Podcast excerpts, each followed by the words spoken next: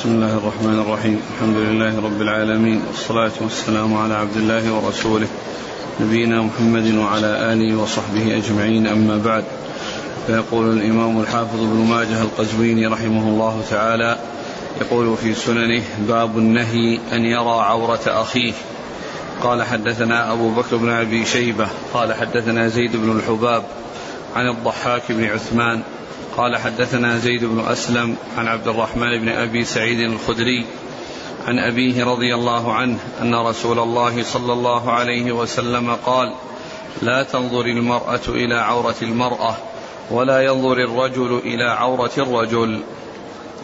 بسم الله الرحمن الرحيم الحمد لله رب العالمين وصلى الله وسلم وبارك على عبده ورسوله نبينا محمد وعلى آله وأصحابه أجمعين. أما بعد فيقول الإمام ابن ماجه رحمه الله باب لا ينظر. النهي أن يرى عورة أخيه. النهي أن ينظر أن يرى النهي أن يرى عورة أخيه. يعني نهي المسلم أن يرى عورة أخيه.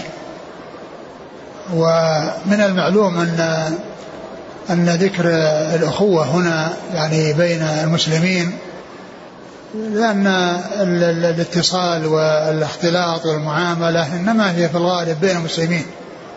والحكم يعني يشمل المسلمين وغير المسلمين فلا ينظر الإنسان إلى عورة غيره.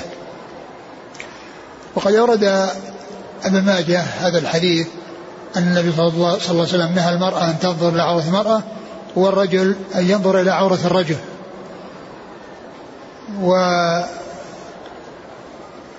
ونهي الرجل أن ينظر إلى عورة المرأة والمرأة إلى عورة الرجل هو من باب أولى. هو من باب الأولى الذي لم ينص عليه أولى مما نص عليه وإنما نص على المتماثلين الرجال ينظر بعضهم إلى بعض والنساء ينظر بعضهن إلى بعض. لكن إذا حصل من الجنسين فهو أعظم وأشد إلا ما يكون بين الرجل وأهله وبين الرجل وأمته التي هي سريته فإن ذلك سائغ ولا بأس به وإنما المحذور لغير ال ال الأزواج والأسياد. يعني غيرهم هو الذي فيه محذور. وأما بالنسبة لمن كان زوجا أو كان سيدا فإنه ينظر إلى عورة زوجته أو أمته وكذلك العكس. و فهذا مما جاء في الإسلام من هذه الأخلاق الكريمة والآداب العظيمة وهي أن وهي ستر العورات وعدم إظهارها وأن الإنسان ليس له أن ينظر إلى غيره مما لا, مما لا يحل له النظر إليه. وأما ما يحل النظر إليه مثل الزوجة مع الزوج أو الزوج مع الزوجة أو السيد مع الأمة أو الأمة مع السيد فإن ذلك لا بأس به. نعم. قال حدثنا أبو بكر بن أبي شيبة. ثقة أخرج أصحاب الكتب إلى الترمذي. عن زيد بن الحباب. صدوق أخرج له. خارج القراءة ومسلم وأصحاب السنن. نعم. عن الضحاك بن عثمان. وهو؟ صدوق يهم أخرج له مسلم وأصحاب السنن. نعم. عن زيد بن أسلم. ثقة أخرج أصحاب الكتب. عن عبد الرحمن بن أبي سعيد الخدري. وهو ثقة أخرج له. البخاري تعليقا ومسلم وأصحاب السنن. نعم. عن أبيه. أبوه أبو سعيد الخدري سعد بن مالك بن سنان وهو ممن أكثر الرواية عن رسول الله صلى الله عليه وسلم. قال حدثنا أبو بكر بن أبي شيبة قال حدثنا وكيع عن سفيان عن منصور عن موسى بن عبد الله بن يزيد عن مولى لعائشة عن عائشة رضي الله عنها أنها قالت ما نظرت أو ما رأيت فرج رسول الله صلى الله عليه وسلم قط. قال أبو بكر كان أبو نعيم يقول عن مولاة لعائشة. ثم ذكر هذا الحديث عن عائشة رضي الله عنها أنها قالت ما رأيت فرج رسول الله صلى الله عليه وسلم قط. و و وهذا الحديث ضعيف لأن في إسناده تلك المولات التي لا تعرف. وهو مخالف لما ثبت عن رسول الله صلى الله عليه وسلم أنه قال احفظ عورتك إلا من زوجتك وما ملكت يمينك. احفظ عورتك إلا من زوجتك أو ما ملكت يمينك. فالمرأة تنظر إلى يعني عورة زوجها والزوج ينظر إلى عورة زوجته ولا بأس بذلك وإنما المحذور في غير الأزواج والأسياد والزوجات والإماء وهذا الحديث لا حجة فيه. لا حجة فيه. وقد كانت عائشة ورسول الله صلى الله عليه وسلم يعني يغتسلان و يعني آه، من إناء واحد وبعضهم ينظر إلى بعض. وجاء أيضا في الحديث عن عائشة رضي الله عنها أن النبي صلى الله عليه وسلم لما قال يحشر الناس حفاة عراة آه، غرلا قالت يا رسول الله الرجال ينظر يعني ينظر بعضهم إلى بعض. ينظر إلى بعض بعضهم إلى بعض يعني حيث يكون يعني الانكشاف. قال عليه الصلاة والسلام الأمر أعظم من أن يهمهم ذلك. الأمر أعظم من أن يهمهم ذلك. الحاصل أن أن النظر بين الزوجين وبين الزوج بين الرجل وأمته أن ذلك لا بأس به وإنما المحذور في غيرهما. وأما هذا الحديث فهو غير ثابت. ومثله الحديث الذي يذكره الأدباء وهو بهذا المعنى ما رأى مني ولا رأيت منه. قالت عائشة ما رأى مني ولا رأيت منه يعني العورة. يعني في في حذف المفعول. يعني يأتون به يراد به حذف المفعول. ما رأى مني ولا رأيت منه يعني ما رأى مني العورة وما رأيت منه العورة. نعم. قال حدثنا أبو بكر بن أبي شيبة عن وكيع. وكيع بن الجراح ثقة أخرج أصحاب الكتب. عن سفيان سفيان هو الثوري ثقة أخرج أصحاب الكتب. عن منصور. منصور بن المعتمر ثقة أخرج أصحاب الكتب. عن موسى بن عبد الله بن يزيد. وهو؟ ثقة أخرج له مسلم وأبو داود والترمذي في الشمائل وابن نعم. ماجه. عن مولاة عن أو مولى. عائشة نعم. عن عائشة. نعم وهو؟ ما وجدته؟ لا. نعم. على كل إنهم قالوا إنه مجهول أو إنها لا تعرف إنها مبهمة غير معروفة. أو المولى مبهم غير معروف. نعم. يقول السائل ما هي عورة المرأة مع المرأة؟ النساء تحتشم مع النساء والرجال يحتشمون مع الرجال ولا يتساهلون في لباسهم وإظهار يعني ما يعني ما يعني لا ما يصل ما لا يصلح إظهاره بعض النساء يعني قد تتساهل وأن بعضها بعضهن يبدين أشياء يعني لا يصلح إبداؤها معروف أن العورة هي من السرة إلى الركبة. لكن كما هو معلوم الاحتشام يتطلب أن المرأة يعني أمام النساء لا تظهر شيئا من مفاتنها ومن محاسنها وإنما تظهر رأسها ويعني يديها. وأما كونها تظهر يعني محاسنها وتظهر شيئا من صدرها أو شيئا من ظهرها أو تظهر آه، يعني آه، آه، أعضادها وما إلى ذلك فإن هذا من من من, من الانتهاء أو العمل على عدم الحشمة وعلى عدم الاحتشام وهو من الأشياء التي تجر يعني بعضها إلى بعض من ناحية التساهل. ومعلوم أن آه، التعري الذي حصل في كثير من البلاد ما جاء كذا دفعة واحدة وإنما جاء شيئا فشيئا. يعني أصله وبدايته إظهار الوجه وكشف الوجه وترك الحجاب. يعني هذا هو أصله. وقد ذكر الشيخ علي الطنطاوي رحمه الله في آه، ذكرياته يعني تاريخ آه، ابتداء كشف الوجه عند الشاميين وأن أصل ذلك أن أن أنه كانت اليهوديات وكانت النصرانيات يبدين وجوههن وأول ما حصل امرأة من المسلمات كانت آه، مدرسة في مدرسة أو وكيلة في مدرسة خرجت آه، كاشفة وجهها فيعني حصل غضب شديد وحصل استنكار شديد من الناس في ذلك الوقت. ثم قال ما مضت الأيام إلى أنه كان هو الشيخ بهجة البيطار رحمه الله كانوا في مدرسة أو في نفس المدرسة بعدما مضى مدة وإذا يسمع يعني آه، أصوات وكذا وينظر مع الشباك ومع كذا وإذا بنات يعني ما سنهن في سن إن الشباب يعني في في, في, في السادسة عشرة والسابعة عشرة من أعمارهن وإذا هن مستلقيات وقد أظهرن رفعنا أرجلهن وأظهرنا أفخاذهن ويعني على هيئة مزرية. فوصلت الحال من كشف الوجه إلى هذه الصفة المزرية التي ذكرها.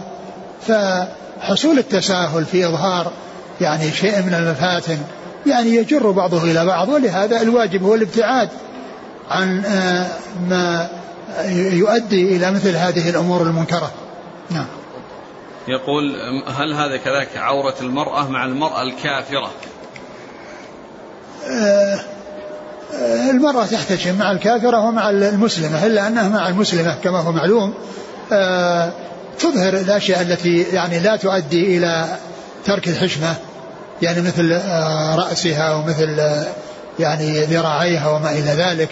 لكن الكافرة يعني آآ آآ تختلف عن المسلمة لأنه جاء أو نسائهن يعني يعني كونهن يعني لأن نسائهن يعني مسلمات.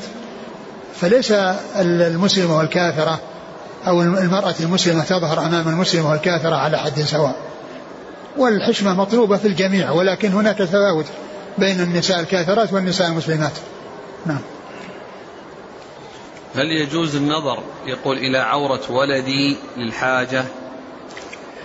إذا كان طفل صغير إذا كان طفل صغير يعني ما في بأس. وإذا كان كبيرا وصار الأمر يعني يتطلب يعني ذلك من ناحية يعني يكون آه، شخص بحاجة إلى خدمة شخص وإلى يعني مساعدته يعني في آه، استنجاء أو في وضع آه، يعني حفاظا عليه أو الأشياء التي قد يضطر إليها يعني فيما بين الرجال بعضهم بعض وكذلك النساء بعضهن مع بعض فإنه لا بأس بذلك. ماذا يحل للعبد أن يرى من عورة سيدته؟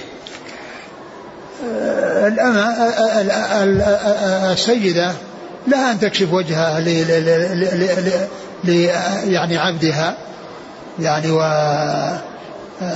لكن يعني لا تظهر شيء من زينتها لكن له أن يرى وجهها ولا أن تكشف له. ولهذا يعني كانت كان العبد يعني إذا إذا كوتب وكذا فإنه يعني هو عبد ما بقي ما بقي منه أي شيء يعني يعتبر عبد. يعني حتى يعني يملك نفسه أو حتى يحصل له العتق. نعم. هل يدخل في هذا الباب النهي أن يرى عورة أخيه من يشاهد المباريات وقد لعب؟ كل هذا كل هذا من هذا القبيل سواء كان بالحقيقة أو بالصورة النتيجة واحدة. قال رحمه الله تعالى باب من اغتسل من الجنابة فبقي من جسده لمعة لم يصبها الماء كيف يصنع؟ قال حدثنا أبو بكر بن أبي شيبة وإسحاق بن منصور قال حدثنا يزيد بن هارون قال أخبرنا مستلم بن سعيد عن أبي علي الرحبي عن عكرمة عن ابن عباس رضي الله عنهما أن النبي صلى الله عليه وسلم اغتسل من جنابه فرأى لمعة لم يصبها الماء فقال بجمته فبلها عليها.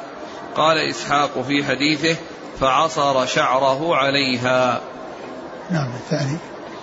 قال حدثنا سويد بن سعيد قال حدثنا أبو الأحوص عن محمد بن عبيد الله عن الحسن بن سعد عن أبيه عن علي رضي الله عنه أنه قال جاء رجل إلى النبي صلى الله عليه وسلم فقال إني اغتسلت من الجنابة وصليت الفجر ثم أصبحت فرأيت قدر موضع الظفر لم يصبه الماء فقال رسول الله صلى الله عليه وسلم لو كنت مسحت عليه بيدك أجزأك.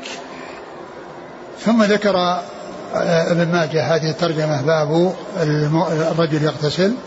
من اغتسل من الجنابة فبقي من جسده لمعة.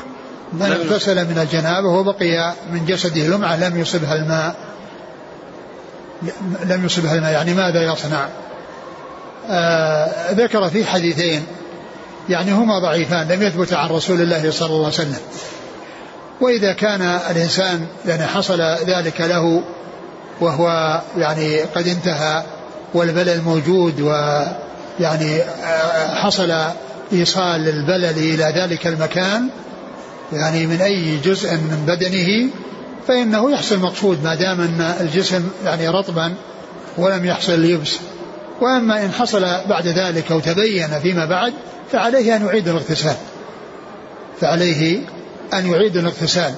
وقد أورد ماجه هذين الحديثين الضعيفين الغير الثابتين في أنه كان يعني يعصر من من من يعني من آه، من رأسه أو من جمته أو أنه يمسح على المكان فإنه لا يكفي المسح يعني بدون ماء ولا يعني آه وكذلك وأما كونه يعني يصير في جسده يعني بلل ويغسله لأن الغسل كما هو معلوم ليس مثل الوضوء يحتاج إلى ترتيب يحتاج إلى ترتيب.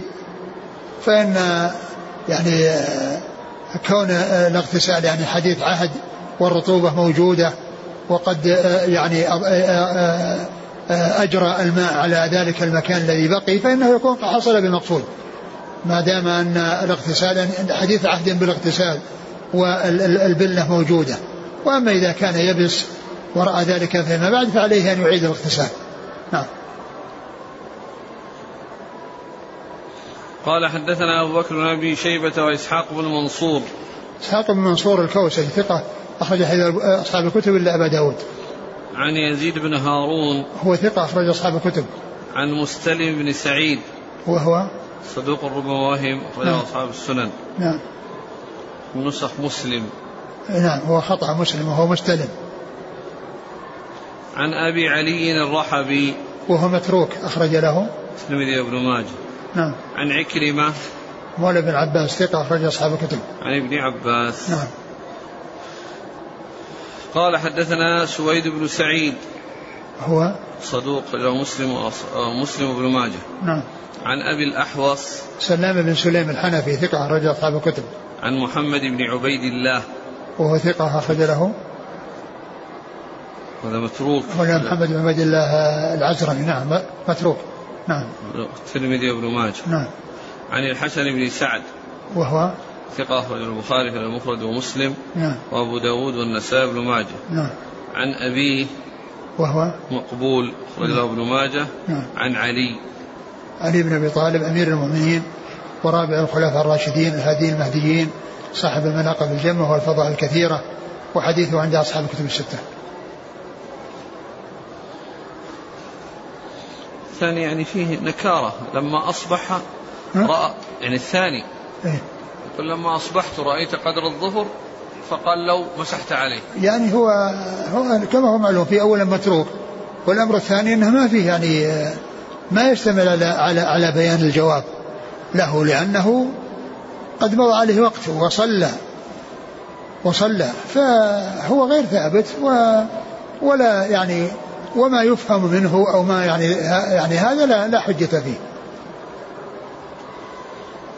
قال رحمه الله تعالى باب من توضأ فترك موضعا لم يصبه الماء قال حدثنا حرملة بن يحيى قال حدثنا عبد الله بن وهب قال حدثنا جرير بن حازم عن قتادة عن أنس أن رجلا أتى النبي صلى الله عليه وسلم وقد توضأ وترك موضع الظفر لم يصبه الماء. فقال له النبي صلى الله عليه وسلم ارجع فأحسن وضوءك. نعم بعده. قال حدثنا حرملة بن يحيى قال حدثنا ابن وهب ها قال وحدثنا ابن حميد قال حدثنا زيد بن الحباب قال حدثنا ابن لهيعة عن أبي الزبير عن جابر رضي الله عنه. عن عمر بن الخطاب رضي الله عنه أنه قال رأى رسول الله صلى الله عليه وسلم رجلا توضأ فترك موضع الظفر على قدمه فأمره أن يعيد الوضوء والصلاة قال فرجع. ثم ذكر هذه الترجمة في الوضوء يعني ذكر الترجمة السابقة في الغسل من الجنابة وهنا في الوضوء وأن النبي صلى الله عليه وسلم رأى رجلا عليه لمعة. قدر الظفر لم يصبها الماء فأمره بالوضوء والصلاة. يعني بأن يعيد الوضوء والصلاة يعني بعد أن صلى. لأنه لم يحصل منه تمام الطهارة ولم يحصل منه استيعاب العضو أو الأعضاء. وهذا يدلنا على أنه يتحتم ويتعين على الإنسان المتوضئ أن يستوعب أعضاء الوضوء وألا يفرط أو يقصر يعني في في ذلك بحيث آه، آه، يترك يعني شيئا منها فيترتب على ذلك عدم صحة عدم صحة وضوءه و ويترتب على ذلك أيضا عدم صحة الصلاة لأنه لا بد من الطهارة والطهارة لا بد فيها من استيعاب أعضاء الوضوء. فإذا يعني لم يحصل منه استيعاب وترك شيئا فإن عليه أن يعيد الوضوء ويعيد الصلاة إذا كان قد صلى شيئا بهذا الوضوء الذي لا يعتبر يعني قد تم فيعيد فيعيد الوضوء ويعيد الصلاة. وهذا يدلنا على أن على أن استيعاب الأعضاء متحتم وأن من حصل منه شيء من ذلك فإن عليه أن يعيد الوضوء وأن يعيد الصلاة إذا كان قد صلى. بذلك الوضوء شيء من الصلوات. نعم. قال حدثنا حرملة بن يحيى. هو التجيبي المصري صدوق أخرج له. مسلم والنسائي بن ماجه. نعم. عن عبد الله بن وهب. وهو ثقة أخرج أصحاب الكتب. عن جرير بن حازم. وهو ثقة أخرج أصحاب الكتب. عن قتادة. بن دعامة السدوسي البصري ثقة أخرج أصحاب الكتب. عن أنس. أنس بن مالك رضي الله عنه خادم الرسول عليه الصلاة والسلام واحد السبع المكثرين من حديثه. قال حدثنا حرملة بن يحيى قال حدثنا ابن وهب حا قال وحدثنا ابن حميد. هو محمد بن حميد وهو ضعيف. أبو داود والترمذي وابن ماجه. نعم. عن زيد بن الحباب عن ابن لهيعة. ابن لهيعة عبد الله بن لهيعة. عبد الله بن لهيعة المصري وهو صدوق اختلط. وعبد الله بن وهب هو الراوي عنه. ورواية العبادلة الأربعة قبل الاختلاط. فتكون معتبرة. والعبادلة الأربعة الذين آآ آه، آآ آه، روايتهم عن ابن لهيعة صحيحة لأنها قبل الاختلاط عبد الله بن وهب هذا المصري وعبد الله بن مبارك المروزي وعبد الله بن مسلمة القعنبي المدني وعبد الله بن يزيد. بن يزيد المقري المكي. هؤلاء الأربعة الذين كل واحد منهم اسمه عبد الله هؤلاء روايتهم عن آه، ابن لهيعة صحيحة وكذلك رواية قتيبة مثلهم. نعم. أخرجه مسلم وأبو داود والترمذي وابن ماجه. نعم. عن أبي الزبير. محمد بن مسلم بن تدرس الصدوق أخرج له أصحاب الكتب. عن جابر. جابر رضي الله عنه أخرج هو من أكثر رواية عن رسول الله صلى الله عليه وسلم. جابر بن عبد الله الأنصاري. عن عمر بن الخطاب. عمر بن الخطاب رضي الله عنه أمير المؤمنين وثاني الخلفاء الراشدين الهاديين المهديين صاحب المناقب الجمة والفضاء الكثيرة وحديث عند أصحاب الكتب الستة. يقول السائل أنا أعمل بالدهانات وأحيانا أرى بعض الأماكن صغيرة جدا لم يصبها الماء بسبب وجود طبقة من البوية فماذا أفعل إذا أردت ذلك؟ هل علي أن أعيد الصلاة بعد إعادة الوضوء وإزالتها؟ نعم نعم. عليك أن تعيد لأن الماء ما وصل إليها. يعني لأنه إذا كان في طبقة مغطية لها كثيفة مثل مثل البويات هذه والدهانات التي لها جرم ولها يعني غطاء يعني تغطي الجسم فلا يصل إليه الماء. لأن من شرط الوضوء يعني إزالة ما يمنع وصوله إلى البشرة. من شروط الوضوء إزالة ما يمنع وصوله إلى البشرة ومعلوم أن مثل هذه الدهانات التي تغطي الجسم تمنع من وصول الماء إلى البشرة. فهي مثل ما لو لم يصل الماء إلى البشرة من غير غطاء. نعم. وهذه امرأة اغتسلت وبعد الغسل كان على أظفارها مناكير. هذا من جنس اللي ترك بقعة يعني لم يصبها الماء أو من جنسه لأن هذه الأشياء المغطية دهانا دهانات طلاء الذي مثل بوية أو مثل هذا اللي يسمى المناكير. كل هذا من الأشياء التي تمنع من وصول الماء. فكما قلت يعني يعني تزال ويعاد الاغتسال. قال رحمه الله تعالى كتاب الصلاة أبواب مواقيت الصلاة. قال حدثنا محمد بن الصباح وأحمد بن سنان. قال حدثنا إسحاق بن يوسف الأزرق. قال أخبرنا سفيان. حا قال وحدثنا علي بن ميمون الرقي. قال حدثنا مخلد بن يزيد عن سفيان عن علقمة بن مرثد عن سليمان بن بريدة عن أبيه رضي الله عنه أنه قال جاء رجل إلى النبي صلى الله عليه وسلم فسأله عن وقت الصلاة. فقال صل معنا هذين اليومين. فلما زالت الشمس أمر بلالا رضي الله عنه فأذن ثم أمره فأقام الظهر ثم أمره فأقام العصر والشمس مرتفعة بيضاء نقية ثم أمره فأقام المغرب حين غابت حين غابت الشمس ثم أمره فأقام العشاء حين غاب الشفق. ثم أمره فأقام الفجر حين طلع الفجر. فلما كان في اليوم الثاني أمره فأذن الظهر فأبرد بها وأنعم أن يبرد بها. ثم صلى العصر والشمس مرتفعة أخرها فوق الذي كان. فصلى المغرب قبل أن يغيب الشفق. وصلى العشاء بعدما ذهب ثلث الليل. وصلى الفجر فأسفر بها. ثم قال أين السائل عن وقت الصلاة؟ فقال الرجل أنا يا رسول الله. قال وقت صلاتكم بينما رأيتم. ثم ذكر بعد أن فرغ الإمام ماجه رحمه الله من كتاب الطهارة بدأ بكتاب الصلاة. لما انتهى من ما يتعلق بمفتاح الصلاة وهو الطهور وانتهى من الشرط الذي هو من شروط الصلاة وهو الطهارة بدأ بالصلاة. يعني لما انتهى من الشرط بدأ بالمشروط. والصلاة هي في اللغة الدعاء. ولهذا جاء في النصوص يعني ذكر الصلاة بمعنى الدعاء. مثل وصلي عليهم يعني يدعو لهم. وكذلك آه قول الرجل الذي قال أني أكثر ما أجعل لك من صلاتي يعني من الدعاء يعني من صلاته يعني من الدعاء أي للرسول صلى الله عليه وسلم. ف وأما في الاصطلاح وأما في الشرع فإن الصلاة آه، آه، آه، يعني معناها أقوال وأفعال مخصوصة مبتدأة بالتكبير ومختتمة ومختتمة بالتسليم. هذه الصلاة الشرعية. أقوال وأفعال مخصوصة. ركوع وسجود وجلسة بين سجدتين وجلوس وقراءة قرآن وأدعية وما إلى ذلك. أقوال وأفعال. أقوال مثل القراءة مثل الاستفتاح ومثل الدعاء يعني في الركوع وبعد الرفع من الركوع وفي السجود وبين السجدتين وفي التشهد.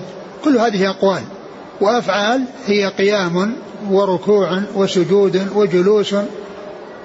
هذه الأقوال والأفعال بدايتها التكبير اللي هو تكبيرة الإحرام وختامها التسليم. يعني ما بين التكبير والتسليم هو الصلاة. ما قبل الصلاة وما بعد التسليم هذا خارج خارج الصلاة. ولهذا قيل لتكبيرة الإحرام تكبيرة الإحرام لأنه يحرم بها أمور كانت حلالا قبلها. لأن قبل أن يدخل في الصلاة بتكبيرة الإحرام يأكل ويشرب ويلتفت ويتكلم ويقوم ويجلس ويتصرف ما ما يشاء. فإذا قال الله أكبر تكبيرة الإحرام خلاص حرمت هذه الأشياء التي كانت حلالا له. ثم يستمر هذا التحريم إلى التسليم. ولهذا قال النبي صلى الله عليه وسلم تحريمها التكبير وتحليلها التسليم. تحريمها التكبير وتحليلها التسليم فالأشياء التي كانت حلالا قبل الدخول فيها تحل بعد الخروج منها بالسلام. تحل بعد الخروج منها بالسلام. ثم ذكر آه، آه، مواقيت الصلاة. فذكر مواقيت الصلاة. وذكر حديث ابن بريدة بن حصيب أن رجلا جاء وسأل النبي صلى الله عليه وسلم وقت الصلاة فقال لي صل معنا هذين اليومين. أراد أن يوقفه على بيان الأوقات عمليا وبالفعل لا بالقول. يعني حتى يتصور ذلك وحتى يرسخ في ذهنه ذلك قال صل معنا هذين اليومين. فكان في اليوم الأول يعني أمر المؤذن أذن الظهر فصلى. يعني معناه في أول وقت الصلاة. ثم بعد أن صار يعني آآ آه، آآ آه، آه، بعد أن جاء وقت يعني العصر صلى يعني في أول وقتها. صلى في أول وقتها. ثم صلى المغرب في أول وقتها حين غربت الشمس. ثم صلى العشاء في أول وقتها حين غاب الشفق. ثم في اليوم الثاني صلى الصلوات في آخر والفجر كذلك بعد طلوع الفجر. ثم في اليوم الثاني يعني صلى في آخر وقت الصلاة. فلما انتهى اليومان قال أين السائل؟ قال أنا. قال الصلاة كيف؟ الوقت بين صلاتكم ما بين ما رأيتم. نعم وقت صلاتكم ما بين ما رأيتم. يعني ما بين رأيتم في اليوم الأول واليوم الثاني وهذا الذي علمه الرسول صلى الله عليه وسلم للسائل هو الذي علمه به جبريل أولا.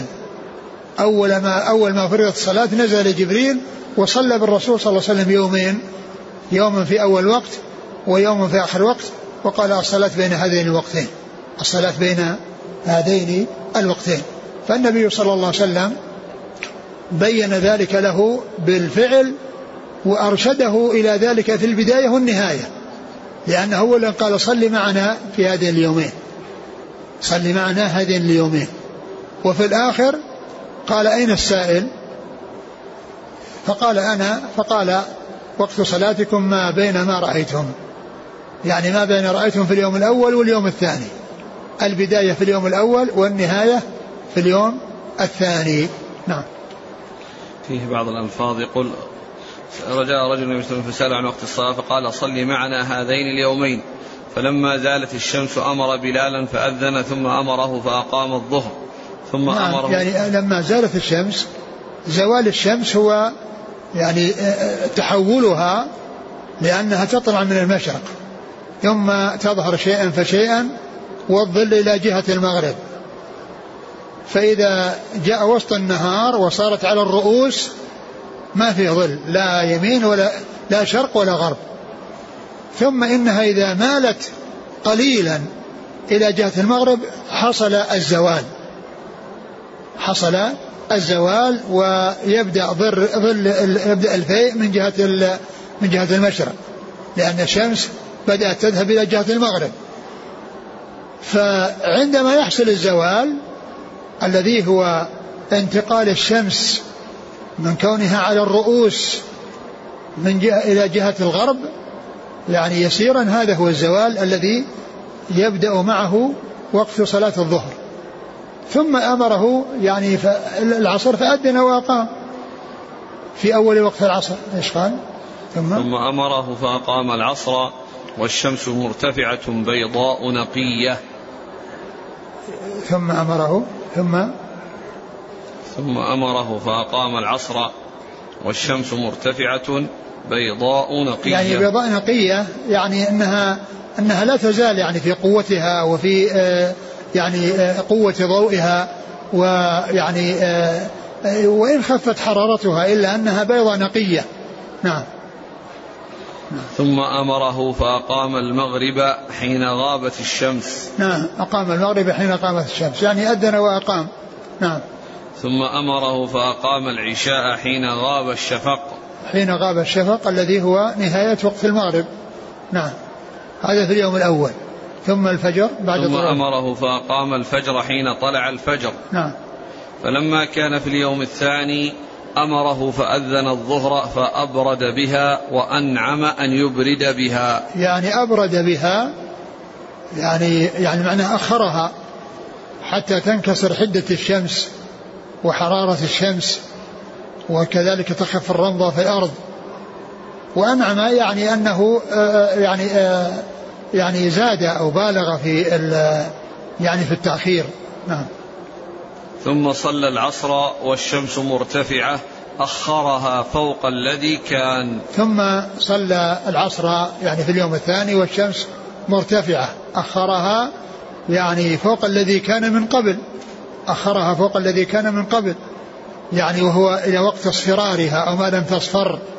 وهذا الوقت الاختياري. وأما الوقت الاضطراري إلى غروب الشمس فإن ذلك كله وقت لصلاة العصر. فصلى المغرب قبل أن يغيب الشفق. وصلى المغرب قبل أن يغيب الشفق يعني الذي هو وقتها آخر وقتها لأن الشفق إذا غاب دخل وقت الشفق الأحمر إذا غاب دخل وقت العشاء. فهو قبل أن يغيب في آخر وقت المغرب صلى المغرب. وصلى العشاء بعدما ذهب ثلث الليل. وصلى العشاء بعدما ذهب ثلث الليل. وقد جاء في بعض الروايات الصحيحة نصف الليل أن وقت العشاء يكون نصف الليل الذي هو الاختياري. ف ومعلوم أن نصف الليل ومعرفة ثلث الليل ونصفه يكون بمعرفة وقت غروب الشمس وقت طلوع الفجر ويقسم الحاصل على اثنين. فيظهر بذلك النصف. يظهر بذلك النصف. والنصف هو هو الوقت الاختياري أو نهاية الوقت الاختياري لوقت صلاة العشاء. ومعلوم أن الليل يطول ويقصر وفي كل وقت ينظر وقت غروب الشمس ووقت طلوع الفجر ثم يقسم على قسمين ويتبين به نصف الليل. نعم. وصلى الفجر فأسفر بها. وصلى الفجر فأسفر بها يعني بعدما يعني آه، انباح النهار وظهر. ووقت صلاة الفجر يمتد إلى غروب إلى طلوع إلى طلوع الشمس. كل هذا وقت أداء. لكن الإنسان لا يؤخرها الوقت الذي يقرب من الوقت لأن من حام حول الحمى يوشك أن يقع فيه. لأن من آه، أخر إلى غرب إلى قرب الوقت قد يحصل له يعني شيء آه، فتفوته الصلاة. لكن كونه يبادر إلى الصلاة في أول وقتها وإذا صلى يعني لا يصل إلى آه، النهاية التي قد يحصل له من يحصل من العوائق ما يجعل الصلاة تخرج عن وقتها. نعم. فقال أين السائل عن وقت الصلاة؟ فقال الرجل أنا يا رسول الله. قال وقت صلاتكم بينما رأيتم. يعني هو أراد أن يعني هذا السائل لأنه أولا هو حاضر لأنه قال صل معنا. ولكن أراد أن يعني يبين له أن هذا الذي حصل بالفعل هو الذي آه، عليك أن تفعله. وتصلي الصلوات بين هذين الوقتين. بين أول الصلاة آه، في اليوم الأول وبين الصلاة في اليوم الثاني. قال حدثنا محمد بن الصباح.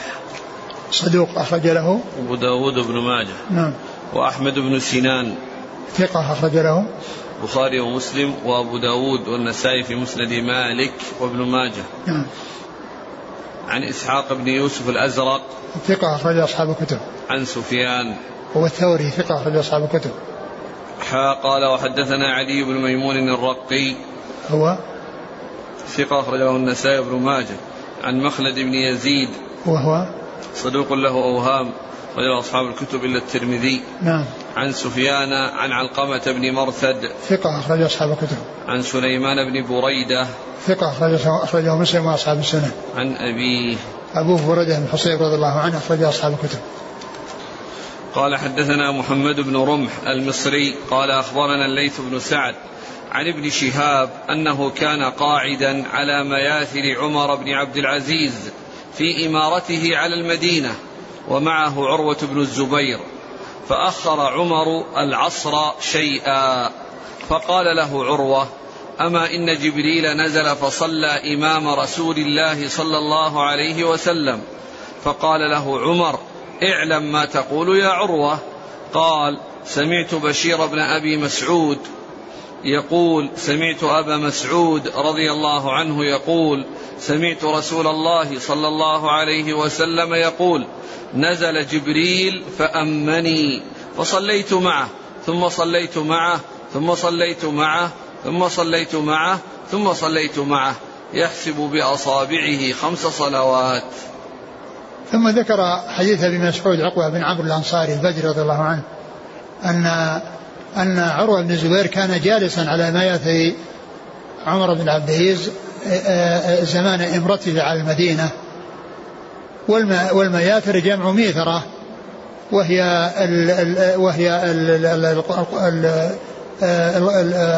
القماش المحشو الذي في وسطه حشو يعني يجلس عليه.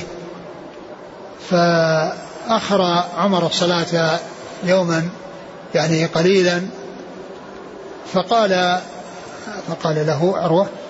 قال له عروة نعم. هو ابن شهاب مع عروة جالسين على المياثر نعم. فقال عروة. فقال عروة أما إن جبريل نزل فصلى إمام رسول الله صلى الله عليه وسلم. فقال فقال, عمر فقال أما إن يعني أن أن أن الوقت عظيم والمحافظة عليه مهمة ومطلوبة. وذلك أن الله عز وجل يعني أمر جبريل بأن ينزل ويصلي بالرسول صلى الله عليه وسلم ويبين له أوقات الصلاة ونهاية البدء والنهاية.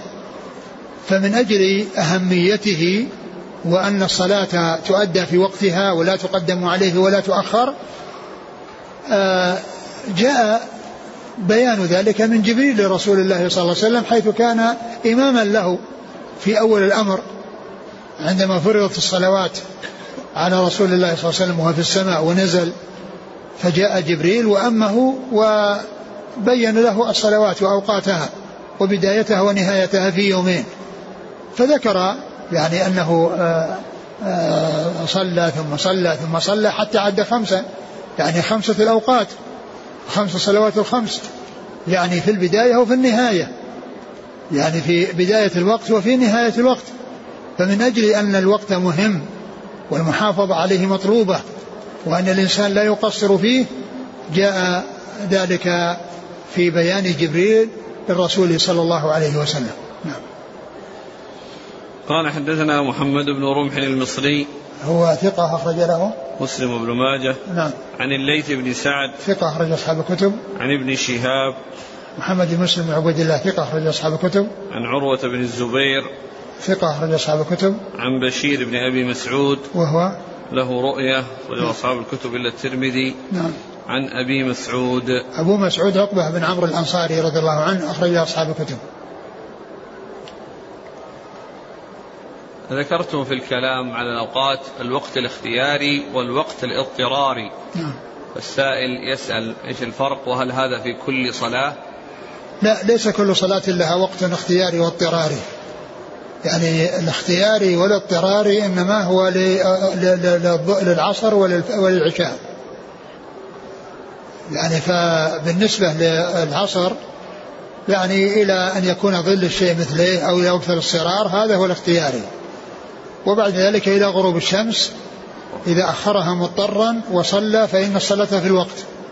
ويقال لها أداء ولا يقال لها قضاء لأنها ما خرجت عن وقتها. لكن ليس للإنسان أن يتعمد تأخيرها إلى ذلك الوقت إلا في حال ضرورة. وإذا حصل ذلك وأداها قبل غروب الشمس فإن الصلاة أداء وليست بقضاء لأنها وقعت في الوقت. وأما بالنسبة للعشاء فالوقت الاختياري إلى نصف الليل والوقت, الاضطراري إلى طلوع الفجر. وهذا فيه خلاف الذي هو يعني هل هو يعني وقت هل في وقت ويكون اضطراري أو ليس في وقت. والذين قالوا إن له وقت اضطراري آه، يستدلون بحديث ليس في النوم تفريط إنما التفريط على من أخر صلاة حتى يأتي وقت الذي بعدها. إنما التفريط أن يؤخرها حتى يأتي الوقت الذي بعدها. ومعلوم أن آه، آه، أن الصلوات صلاة المغرب وقتها متصل بصلاة العشاء.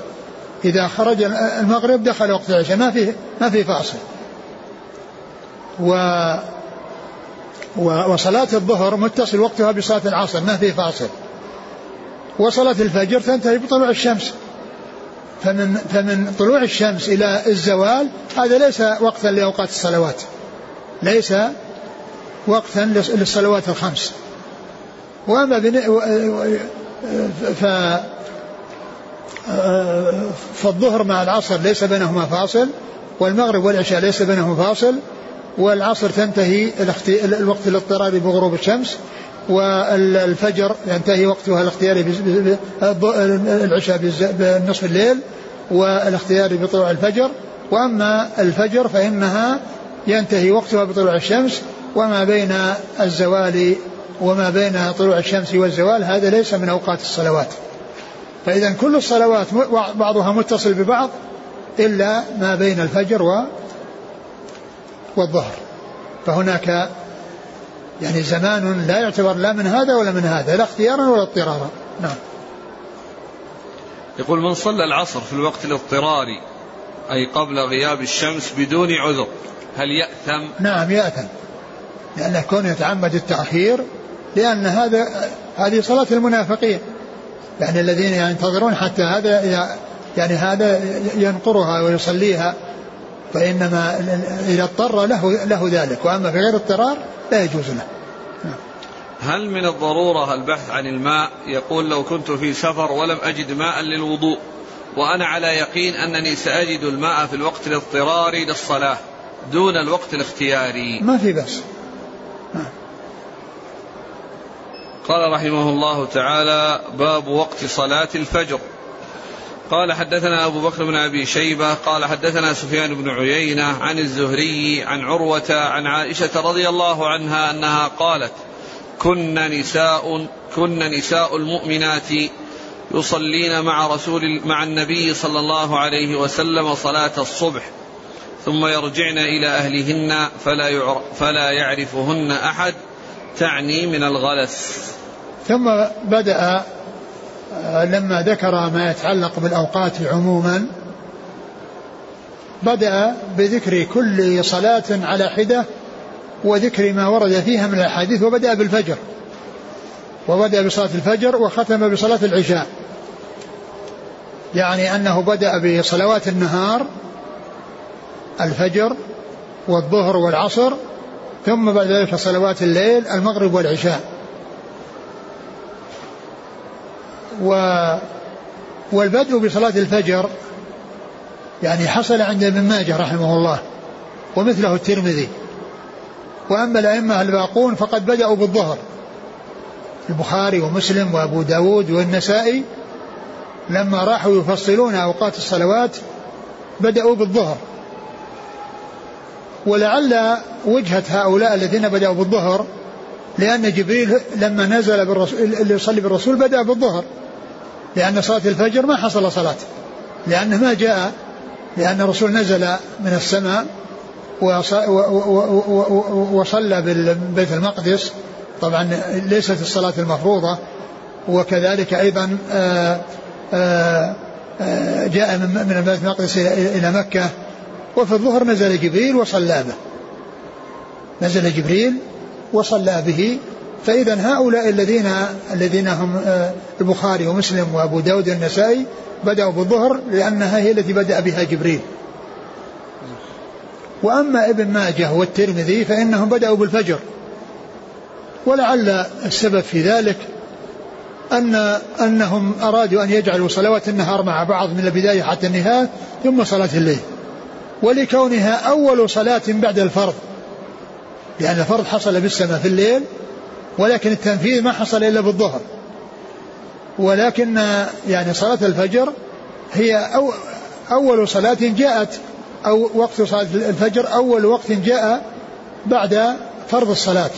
وإن كان لم يحصل التنفيذ والبدء بصلاة الظهر لكنهم لعلهم أو لعل الترمذي وابن ماجه بدأوا بالفجر ليبدأوا بصلوات النهار على حدة من أولها إلى آخرها ثم الليل و آه، يعني آه، آه، أو أنها أول وقتها أول الأوقات بعد فرضها بالليل. وإذا كان يعني وعلى هذا الاعتبار تكون العصر هي الوسطى لأن قبلها صلاتين وبعدها صلاتين. هي الوسطى بالفعل لأنه يكون قبلها صلاتين وبعدها صلاتين وهي متوسطة بين الصلاتين فهي آخر آخر صلوات النهار وقبلها صلاتان في النهار وبعدها صلاتان في الليل. وهي متوسطة بعد بين الصلاتين اللي قبلها وهي من النهار والصلاتين اللي بعدها من الليل. فابن ماجه رحمه الله مع الترمذي يعني يختلف ترتيبهم مع ترتيب الأئمة الباقين. وابن ماجه رحمه الله عنده ترتيب غريب. فيما يتعلق بأركان الإسلام. يعني فإنه بعد الصلاة يأتي بالصوم قبل الزكاة. ثم يأتي بالزكاة والحج يأتي به بعد النكاح وبعد البيوع وبعد الطلاق وبعد الجهاد يأتي كتاب الزكاة. كتاب الحج. كتاب الحج. يأتي كتاب الحج يعني أخر كثيرا مع أنه كان المناسب أن تكون العبادات مع بعض. المناسب أن تكون العبادات بعضها وراء بعض وأن تكون ترتيبها كما رتبها بعض الأئمة آه، على حسب أهميتها وعلى حسب ترتيبها في الحج. أولا الصلاة ثم الزكاة ثم الصيام ثم الحج. والبخاري رحمه الله قدم الحج على الصيام. قدم الحج على الصيام لأنه صدر كتاب الإيمان بحديث جبريل بحديث ابن عمر وفيه تقديم الحج على الصيام.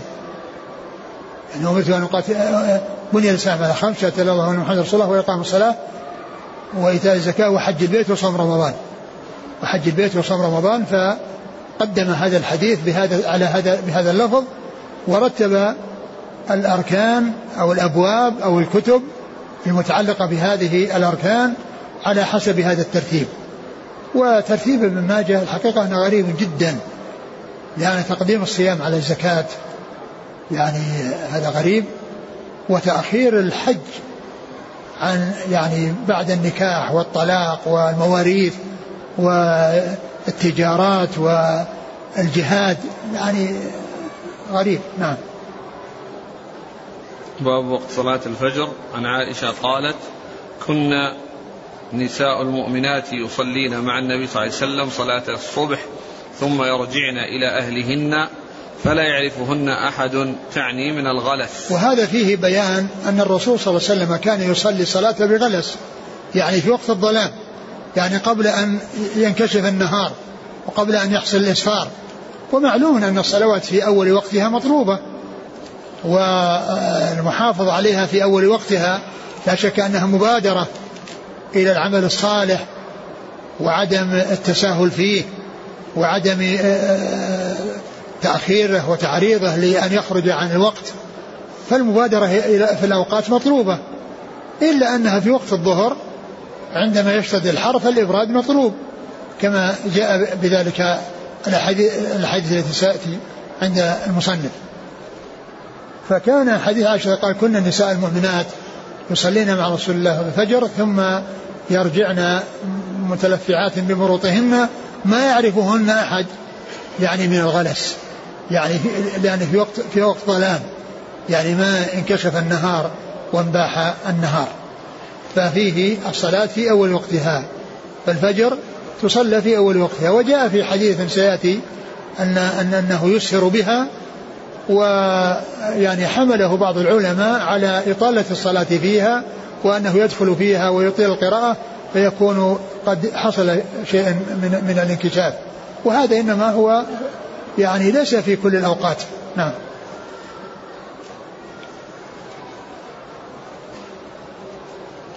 قال حدثنا أبو بكر بن أبي شيبة عن سفيان بن عيينة ثقة أخرج أصحاب الكتب. عن الزهري عن عروة عن عائشة. نعم. قال حدثنا عبيد بن أسباط بن محمد القرشي قال حدثنا أبي عن الأعمش عن إبراهيم عن عبد الله والأعمش عن أبي صالح عن أبي هريرة رضي الله عنهما عن رسول الله صلى الله عليه وسلم وقرآن الفجر إن قرآن الفجر كان مشهودا قال تشهده ملائكة الليل والنهار ثم ذكر هذه. ذكر هذا الحديث يعني في قول الله عز وجل وقرآن الفجر إن قرآن الفجر كان مشهودا يعني معناه تشهده ملائكة الليل وملائكة النهار تشهده الملائكة. يعني الملائكة الذين يعني آه كما جاء في حديث يتعاقبون فيكم ملائكة ملائكة بالليل وملائكة بالنهار ويجتمعون في صلاة الفجر وصلاة العصر. يعني فتشهده ملائكة الذين جاءوا والذين سيغادرون. يلتقون في صلاة الفجر. فقراءة الفجر مشهودة تشهدها الملائكة. و وجاء هذا في في الأوقات وفي ذكر الأوقات. يعني آآ آآ وفيه إشارة إلى ذكر القراءة وإطالتها. والقرآن المقصود به القراءة لأن القرآن يأتي ويراد به القراءة ويأتي ويراد به المقروء. يعني المقصود أن, أن, أن قرآن الفجر يعني قراءة الفجر القراءة في صلاة الفجر. كانت مشهودة تشهدها الملائكة. وهذا مما يأتي فيه القراءة بمعنى القرآن بمعنى القراءة. والقرآن يأتي بمعنى المقروء. وإذا قرئ القرآن فاستمعوا له القرآن هو المقروء. وإذا قرأت القرآن فاستعذ بالله هو المقروء. لكن قرآن الفجر المقصود به القراءة. القراءة التي تكون في الفجر. ومثله قوله صلى الله عليه وسلم زينوا القرآن بأصواتكم. أي زينوا القراءة. القرآن نفسه لا يحتاج إلى تزيين هو زين وهو كلام الله. ولكن الذي يكون بيد الإنسان والذي يمكن أن يحسن الإنسان هو القراءة. فتزيينه إنما هو للقراءة وليست للقرآن. تزيينه إنما هو للقراءة. وليست للقرآن فأطلق القرآن على القراءة. ومنه قول الله عز وجل لا تحرك به لسانك لتعجل به. إن علينا جمعه وقرآنه يعني قراءته. فإذا قرأناه فاتبع قرآنه يعني آه، اتبع القراءة التي يقرأها جبريل عليك. اتبع القراءة. يعني أصغي لها ولا تحرك لسانك فإنك سيحصل لك حفظه واستيعابه دون أن يفوتك منه شيء. فلا تحتاج إلى تحريك اللسان. فالقراءة القرآن هو بمعنى القراءة. نعم. قال حدثنا عبيد بن أسباط بن محمد. هو؟ صدوق رجل البخاري بن القراءة والترمذي بن ماجه. وأبوه ثقة أخرج أصحاب الكتب. نعم. عن الأعمش عن إبراهيم. الأعمش سليمان بن مهران ثقة أخرج أصحاب الكتب. وإبراهيم بن يزيد بن قيس النقعي ثقة أخرج أصحاب الكتب. عن عبد الله. عبد الله عبد الله بن مسعود رضي الله عنه أخرج أصحاب الكتب. والأعمش عن أبي صالح عن أبي هريرة. أبو صالح ذكوان السمان ثقة أخرج أصحاب الكتب. وأبو هريرة أحد الصحابة المكثرين من حديث الرسول صلى الله عليه وسلم بل هو أكثرهم على الإطلاق. قال حدثنا عبد الرحمن بن إبراهيم الدمشقي قال حدثنا الوليد بن مسلم قال حدثنا الأوزاعي قال حدثنا نهيك بن ياريم الأوزاعي. قال حدثنا مغيث بن سمي قال صليت مع عبد الله بن الزبير رضي الله عنهما الصبح بغلس فلما سلم أقبلت على ابن عمر رضي الله عنهما فقلت ما هذه الصلاة قال هذه صلاتنا كانت مع رسول الله صلى الله عليه وسلم وأبي بكر وعمر رضي الله عنهم فلما طعن عمر أسفر بها عثمان رضي الله عنهم أجمعين. ثم ذكر حديث عبد الله بن عمر رضي الله تعالى عنهما ان ان ان, أن من هو الذي مغيث؟ بن سمي. نعم مغيث بن سمي يصلى مع ابن الزبير الفجر بغلس يعني في أول وقتها وكان معه ابن عمر فسأله عن هذه الصلاة فقال هذه صلاتنا مع رسول الله صلى الله عليه وسلم وأبي بكر وعمر. فلما طعن عثمان أسفر بها. لما طعن عمر؟ لما طعن عمر أسفر بها عثمان. يعني أسفر بها عثمان رضي الله تعالى عن الجميع. يعني أن الصلاة يعني في التقليص هذا أول وقت الصلاة. وقد كان يفعله رسول الله صلى الله عليه وسلم وأبو بكر وعمر. وعثمان رضي الله عنه كان يسفر يعني بالصلاة في زمن ولايته وفي زمن خلافته. و وكل ذلك صحيح. الإسفار ثابت والصلاة بغلس ثابت. ومن أهل العلم من يقول إنه لا تنافي بين التغليس والإسفار لأن إطالة القراءة في الصلاة يحصل بها تحصل البداية في التغليس والنهاية في الإسفار. قال حدثنا عبد الرحمن بن إبراهيم الدمشقي. هو الملقب دحيم وهو ثقة أخرج حديثه. البخاري وأبو داود والنسائي بن ماجه. نعم. عن الوليد بن مسلم. هو ثقة أخرج أصحاب الكتب. عن الأوزاعي. وعبد الرحمن بن عمرو الأوزاعي ثقة أخرج أصحاب الكتب. عن نهيك بن يريم. وهو؟ ثقة أخرجه ابن ماجه. عن نعم. مغيث بن سمي. وهو؟ ثقة أخرجه ابن ماجه. نعم. عن ابن عمر. نعم. قال حدثنا محمد بن الصباح. قال أخبرنا سفيان بن عيينة عن ابن عجلان أنه سمع عاصم بن عمر بن قتادة وجده بدري يخبر عن محمود بن لبيد رضي الله عنه عن رافع بن خديج رضي الله عنه أن النبي صلى الله عليه وسلم قال أصبحوا بالصبح فإنه أعظم للأجر أو لأجركم. ثم ذكر هذا الحديث أصبحوا بالصبح فإنه أعظم للأجر أو لأجركم. يعني شك هل قال بالأجر أو قال أجركم. ومعلوم أن يعني أنه لا فرق بين اللفظين. لأنه أعظم يعني بأجركم وإذا قال الأجر يعني الأجر هو لكم. أعظم للأجر أي لأجركم. وأحيانا يأتي ذكر الألف واللام بدل المضاف إليه. يؤتى بالألف واللام بدل المضاف إليه. يعني في إحدى الروايتين فيها المضاف إليه والرواية الثانية فيها حذف المضاف إليه والإتيان بالألف واللام. يعني آه، في أول الكلمة بدلا عن المضاف إليه. وهذا يأتي في النصوص ومنه يعني هذا الحديث ومنه وليربط على قلوبكم ويثبت بالأقدام يعني أقدامكم. وحذف المضاف وذكر المضاف حذف المضاف إليه وذكر المضاف محلا بالألف واللام يأتي ذكره كثيرا لا سيما في آه، ذكر أسماء الكتب. عند الاختصار فإنه يقال مثلا في بلوغ المرام يقال البلوغ وسبل السلام يقال السبل وفتح الباري يقال الفتح وهكذا. يعني يحذف المضاف إليه ويؤتى بالألف واللام يعني قبل يعني المضاف فتكون بدلا من المضاف إليه.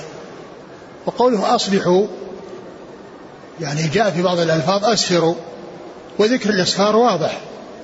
لأن في بعد ما حصل انبياح النهار وظهور النهار وأما أصبحوا فإنها ليست واضحة في الإسفار لأن الصبح يعني إنما يكون بعد طلوع الفجر إذا طلع الفجر جاء الصبح. جاء الصبح يعني ولا يتقيد بكون فيه إسفار فقد يكون بدون إسفار. التغليس هو في وقت الصبح وفي وقت الفجر.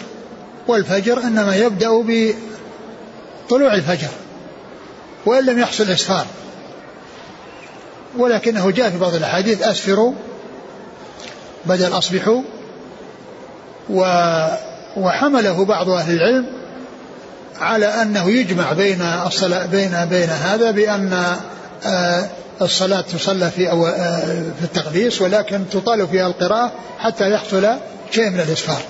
نعم. قال حدثنا محمد بن الصباح عن سفيان بن عيينة عن ابن عجلان. محمد بن عجلان المدني صدوق أخرج حديث البخاري تعليقا ومسلم وأصحاب السنة. عن عاص بن عمر بن قتادة وهو؟ ثقة أخرج أصحاب الكتب. نعم. عن محمود بن لبيد وهو صحابي صغير أخرج له. البخاري المفرد ومسلم وأصحاب السنن. نعم. عن رافع بن خديج. أخرج له أصحاب الكتب. نعم. نعم. أصبحوا بالصبح. من إيه، فسرها؟ أصبحوا بالصبح أي الفجر لأنه قال لها الصبح وقال لها الفجر لأن صلاة الصبح وصلاة الفجر. أصبحوا بالصبح أي بصلاة الفجر. نعم.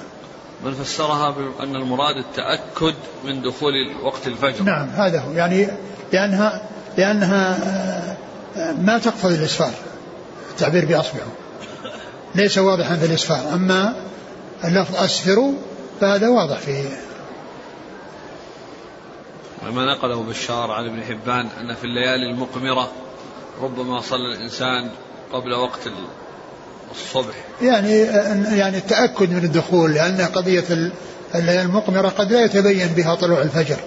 يعني الإنسان يعني مثل الأنوار مثل الأنوار يعني ما يتبين لكن إذا كان الناس في ظلام وفي وقت يعني ليس فيه آه، يعني آه، قوة نور القمر وكذلك يعني ما فيه أنوار يتبين بها ظهور الفجر. ما حكم من يصلي الفجر دائما بعد طلوع الشمس؟ والله يعني إذا كان متعمدا فهذا معنى الصلاة في غير وقتها لا يجوز أن تقدم ولا يجوز أن تؤخر.